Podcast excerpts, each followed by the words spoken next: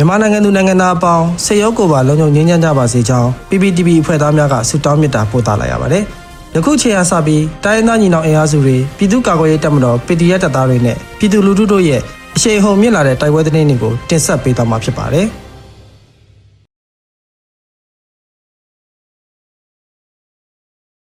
ပထမအဆုံးအနေနဲ့ဝက်လက်မြို့နယ်အတွင်းရှိကျေးရွာများကိုမိရှုဖျက်ဆီးနေသောအကြမ်းဖက်စစ်ကောင်စီစစ်တပ်ကိုဒေသကာကွယ်ရေးတပ်ဖွဲ့များတိုက်ခိုက် စစ်သားအနည်းဆုံးတဦးတေဆုံးတဲ့တဲ့တင်တင်ဆက်ပါမယ်။စကိုင်းတိုင်းဝက်လက်မြို့နယ်အတွင်းရှိကျေးရွာများကိုမိရှုဖျက်ဆီးကအများပြည်သူပိုင်ပစ္စည်းများကိုခိုးယူနေသောစစ်ကောင်စီတပ်ဖွဲ့ကိုဒေသကာကွယ်ရေးမဟာမိတ်တပ်ဖွဲ့များကယမန်နေ့မေလ23ရက်နေ့တွင်ဂျားဖြတ်တိုက်ခိုက်ရာစစ်သားအနည်းဆုံးတဦးတေဆုံးကြောင်းသတင်းရရှိပါသည်။တစ်စိတ်ရွာ၊ကုကြီးရွာငပချောင်းရွာနဲ့ရေလမော်ကျေးရွာများရှိပြည်သူပိုင်ပစ္စည်းများခိုးယူလူရက်ခါနေအိမ်များကိုမိရှို့နေသောအကြမ်းဖက်စစ်ကြောင်းကို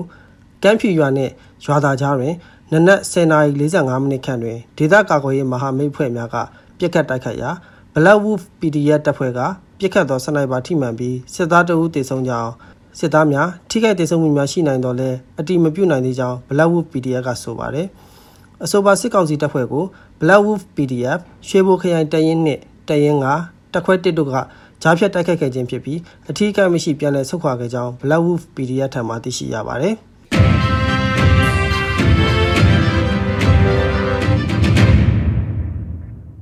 ဆက်လက်ပြီးဒဇယ်တွင်စစ်ကောင်စီတပ်ဖွဲ့နှစ်ကြိမ်တိုက်ခိုက်ခံရပြီး73ဦးသေဆုံးတဲ့တဲ့တင်တင်ဆက်ပါမယ်။ဒဇယ်မြို့တောင်ပိုင်းကြေးရွာများကိုစစ်ကြောင်းထုံးမိရှုဖျက်ဆီးနေသောစစ်ကောင်စီတပ်ဖွဲ့ကိုဒေသကာကွယ်ရေးတပ်ဖွဲ့များကမေလ22ရက်တွင်နှစ်ကြိမ်တိုက်ခိုက်ရာစစ်သား73ဦးသေဆုံးကြောင်းပြည်သူ့ကာကွယ်ရေးတပ်မဟာဒဇယ်ကသတင်းထုတ်ပြန်ပါတယ်။မေလ22ရက်နေ့တွင်ခပောင်းချံရွာမှထွက်ခွာလာသောစစ်ကောင်စီတပ်ကိုစိန်စားကျေးရွာနီးတွင်ရှေ့ထွက်မိုင်းဖြင့်ဖောက်ခွဲတိုက်ခိုက်ရာစစ်သား3ဦးသေဆုံးခဲ့ကြောင်း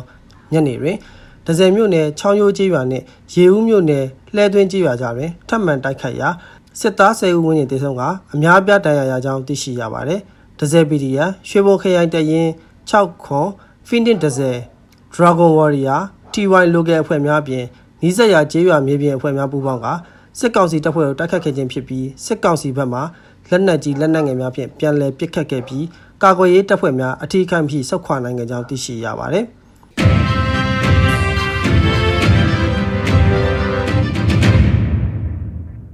ဆက်လက်ပြီးပခုတ်ကူမြစ်ချေကျွန်းချောင်းလမ်းတွင်စစ်တပ်နှင့်ပြူစောတိလိုက်ပါလာသောလိုက်ထရက်ကားကိုမိုင်းဆွဲရာ9ဦးသေဆုံးတဲ့တွင်တင်ဆက်ပါမယ်။မကွေးတိုင်းပခုတ်ကူခရိုင်မြစ်ချေကျွန်းချောင်းလမ်းတွင်စစ်တပ်နှင့်ပြူစောတိများလိုက်ပါလာသောလိုက်ထရက်ရင်တစ်စီးကို PDF ပူးပေါင်းတပ်ကမေလ23ရက်နေ့ကမိုင်းဆွဲတိုက်ခိုက်ရာ9ဦးသေဆုံးကြောင်း MCKC DFE သတင်းထုတ်ပြန်ကြရသိရှိရတာပါ။မေလ23ရက်နေ့မွန်းလက်တနာဤ မြစ်ချေကျွန်းချောင်းပြည်သူ့ကာကွယ်ရေးတပ်ဖွဲ့ MCKCDF မှာရဲဘော်ရှောင်းလင်ဤမွေးနေ့အဖြစ်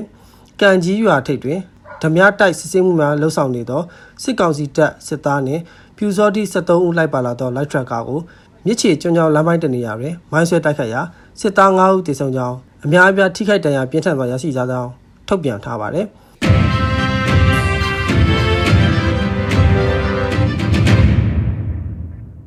တင်စီရဲ့အခြေဆိုင်ခမာယာ2339ရဲစခန်းကို KNL ပူးပေါင်းတိုက်ခိုက်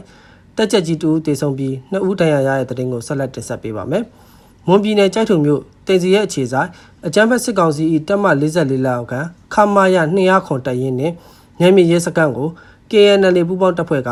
ယနေ့မေလ24ရက်နေ့နနက်3နာရီခွဲခန့်တွင်တပြိုင်နက်တိုက်ခိုက်ရာစစ်ကောင်စီဘက်မှတက်ချက်ကြီးတူတေဆုံးပြီးနှစ်ဦးတန်ရာရရှိကြောင်းကြိုက်ထိုတော်လိုင်းအင်အားစုထံမှသိရှိရပါသည်။ ခမာယာနေရခွန်တရင်ကို KNL ပူးပေါင်းတပ်ဖွဲ့ကအစင်းမြင့်နီးပညာဖြင့်တိုက်ခိုက်ခဲ့ရာတွင်တက်ကြက်ကြီးတူတေဆုံးပြီးနှစ်ဦးတန်ရာရရှိကြောင်းတင်စီရဲ့နေမြေရဲစခန်းကိုတိုက်ခိုက်ရာတွင်ထိခိုက်ဒေဆုံးမှုစီးရင်ကိုအတိအကျမသိရှိရသေးကြောင်းကြိုက်ထိုတော်လိုင်းအင်အားစုကထုတ်ပြန်ထားတာပါအဆိုပါတိုက်ခိုက်မှုများကို KNL တရင်3 PDF ပကဖတော်လိုင်းအင်အားစုများကပူးပေါင်းဆောင်ရွက်ခဲ့ခြင်းဖြစ်ကြောင်းသိရှိရပါတယ်ဆက်လက်တင်ဆက်မယ့်သတင်းကတော့ ထီးကြိုင်တွင်စစ်ကောင်စီမိုင်းဆွဲခံရပြီး9ဦးခန့်သေဆုံးတဲ့တဲ့မှာထီးကြိုင်မြို့နယ်စက်ပြေးရွာမှတုံလုံရွာသို့စစ်ကြောင်းပြန်လာသောအကြမ်းဖက်စစ်တပ်ကို EK Army ထီးကြိုင် PDF ကယနေ့နနက်7:00နာရီခွဲခန့်တွင်ပဒေသာမိုင်းနှလုံးမြဖောက်ခွဲတိုက်ခိုက်ခဲ့ရာစစ်သား9ဦးခန့်သေဆုံးပြီး2ဦးအပြင်းထန်ဒဏ်ရာရရှိကြောင်းသိရှိရပါတယ်။အဆိုပါစစ်ကောင်စီတပ်ဖွဲ့ကိုနှစ်ကြိမ်မိုင်းခွဲတိုက်ခိုက်ခဲ့ပြီးအပြန်အလှန်ပစ်ခတ်မှုနှစ်ကြိမ်ဖြစ်ပွားခဲ့ကြောင်း Eagle Army HPDF ကသတင်းထုတ်ပြန်ထားတာပါ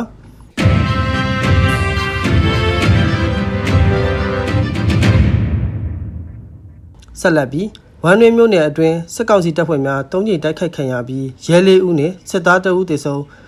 6ဦးတန်ရာရတဲ့သတင်းကိုတင်ဆက်ပါမယ်။မန္တလေးတိုင်းဝမ်တွင်မြို့နယ်အကြမ်းဖက်စစ်ကောင်စီတပ်ဖွဲ့ဝင်များကိုဝမ်တွင်တော်လိုင်းရင်အင်အားစုက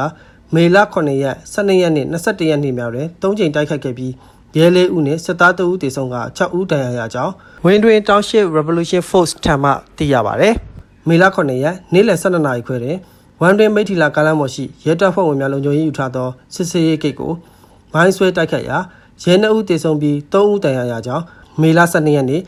9နာရီခွဲကန်တွင်လိတ်တက်ရွာအနောက်ဘက်တရား၌အကြမ်းဖက်စစ်ကားတစ်စီးကိုမိုင်းဆွဲတိုက်ခတ်ရာတက်ကြက်တအူးတေဆုံးပြီးတအူးတန်ရာရကြောင်းမေလ22ရက်နေ့မိုးလ2နာရီ45မိနစ်ခန့်တွင်ရဲတပ်ဖွဲ့ဝင်2ဦးကိုတိုက်ခတ်ရာတအူးတေဆုံးပြီးတအူးတန်ရာရရှိကြောင်းလက်ထိတ်နှင့်ဆိုင်ငယ်တစ်စီးကိုတင်ဆက်ရမိခဲ့ကြောင်းဝင်းတွင် Township Revolution Force ထံမှသိရပါဗျ။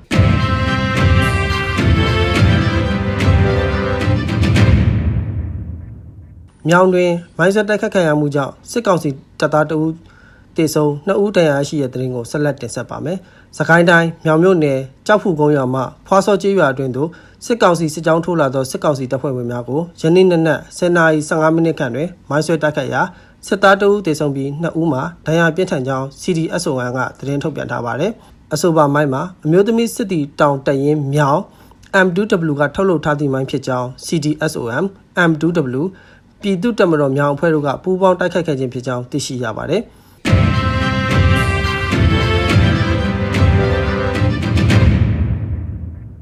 နောက်ဆုံးအနေနဲ့ အမျိုးသားညီညွတ်ရေးအစိုးရပြည်ထောင်ရေးနဲ့လူဝင်မှုကြီးကြပ်ရေးဝန်ကြီးဌာနက2022ခုနှစ်မေလ24ရက်ရက်စွဲနဲ့ထုတ်ပြန်ခဲ့တဲ့ပြည်သူ့ခုခံတော်လှန်စစ်တရင်ချက်လက်တွေကိုတင်ဆက်သွားမှာပါ။အာနာသိန်းအကြမ်းဖက်စစ်အုပ်စု၏ပြည်သူလူထုအပေါ်အကြမ်းဖက်ဖိနှိပ်ဖမ်းဆီးတိုက်ခိုက်တပ်ဖြတ်နေမှုများကိုပြည်သူလူထုတရက်လုံးကအသက်ရှင်တန်ရေးအတွက်မိမိကိုယ်ကိုမိမိခုခံကာကွယ်ပိုင်ခွင့်အရာပြည်သူ့ခံစစ် People Defenses War ကိုဆင်နွှဲလျက်ရှိပါတယ်။တရင်ချက်လက်များအရ23ရက်5လ2022ရက်နေ့တွင်စစ်ကောင်စီတပ်ဖွဲ့ဝင်52ဦးသေဆုံးပြီးထိခိုက်ဒဏ်ရာရှိသူ28ဦးထိခုခံတိုက်ခိုက်နိုင်ခဲ့ပါတယ်။စစ်အာဏာရှင်စနစ်မြမမြေပေါ်မှာအပြေးတိုင်ချုပ်ငြင်းရေးနှင့် Federal Democracy တည်ဆောက်ရေးအတွက်ငြိမ်းချမ်းစွာဆန္ဒပြသည့်လူထုတပိတ်တိုက်ပွဲများကပြည်내နှင့်တိုင်းဒေသကြီးများမှာဖြစ်ပွားပေါ်ပေါက်လျက်ရှိပါတယ်။မြေပြင်မှာယခုတွေ့ရတဲ့သတင်းချက်လက်များထက်ပို၍ဖြစ်ပွားနိုင်ပါတယ်ခင်ဗျာ။